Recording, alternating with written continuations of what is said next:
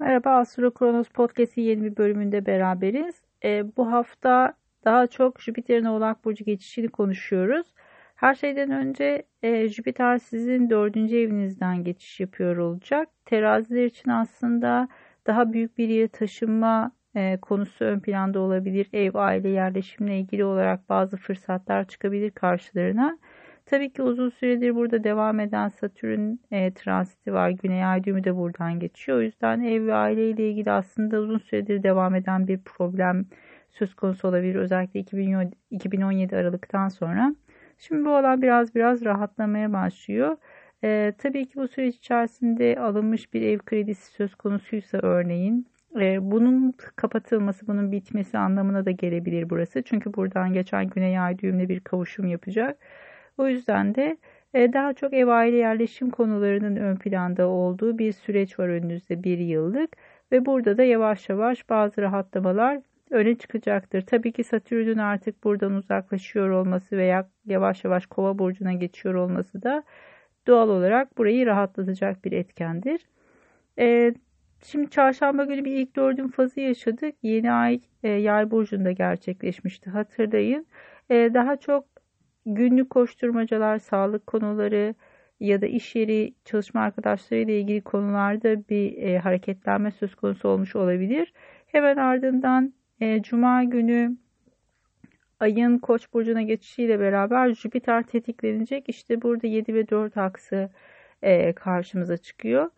Burada da e, bu Jüpiter transiti ile ilgili olarak konunun ana başlıkları ön plana çıkabilir karşınıza. O yüzden cuma günkü gündemi iyi takip etmeye çalışın. E, burada 7 ve 4 aksının tetikleniyor olması bizler açısından daha çok taşınma ile ilgili konuları, ev e, evle ilgili ya da aile ile ilgili bir anlaşma, sözleşme, dava ile ilgili bir konu varsa bunların gündeme gelmesini e, ortaya çıkartabilir. Cumartesi günü geneli itibariyle sakin bir gün olmakla beraber sizler açısından ayın Satürn'le olan açısı nedeniyle belki bazı zorlanmalar e, yapabilir ama saat 6'dan sonra ay boşlukta olacak. Bundan sonra birazcık daha dinlenme faslına çekilebilirsiniz. Cumartesi günü Güneş'in Neptün'le bir kare açısı olacak. Bu biraz böyle yanılgıları açık bir açı. Özellikle yola çıkacaksanız, trafikte olacaksanız, araç kullanacaksınız. Dikkatli olmanızda fayda var. Çünkü sizin 3-6 aksınızda yani birazcık daha trafikle ilgili konularda bazı e, dalgınlıklara e, yol açabilecek bir açı bu. O yüzden de dikkatli olmanızı öneririm. Özellikle de araç kullanacaksanız. Pazartesi günü artık Merkür Yay burcuna geçiş yapacak ve 24 Aralık'a kadar burada olacak. Sizin de 3. evinizde hareket ediyor olacak. Ee, burada her şeyden önce yeni bir eğitime başlama ile ilgili konular ön plana çıkabilir belki. Ee, kardeşlerle, kuzenlerle, yakın çevreyle diyaloglar artabilir. O nedenle bu alan birazcık hareketlenmeye başlayacak Aralık ayı boyunca. Ee, genel itibariyle sizler açısından olumlu bir süreç aslında. Sadece bu Güneş Neptün karesinin e, cumartesi günkü etkisine karşı biraz dikkatli olmanızda fayda var.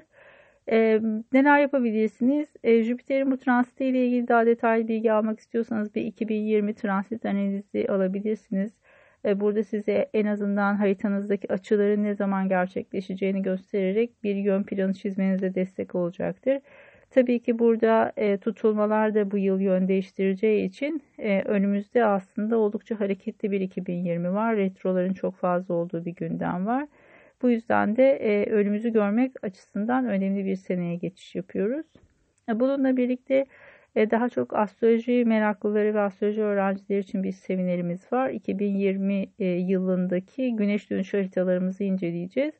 E, bu haritaların nasıl yorumlandığına dair bir eğitim olacak bu. Aynı zamanda katılımcıların haritası da yorumlanacak. E, arzu edenlerin tabii ki. Bununla ilgili bir destek alabilirsiniz. Tabii ki her zaman bireysel e, bir danışmanlık alma şansınız da var. Tüm e, linkleri podcast'e ekliyorum. Buradan ulaşabilirsiniz. Aynı zamanda sorularınız olursa site üzerinden ya da sosyal medyadan sorularınızı iletebilirsiniz. Keyifli bir hafta olmasını dilerim. Hoşçakalın.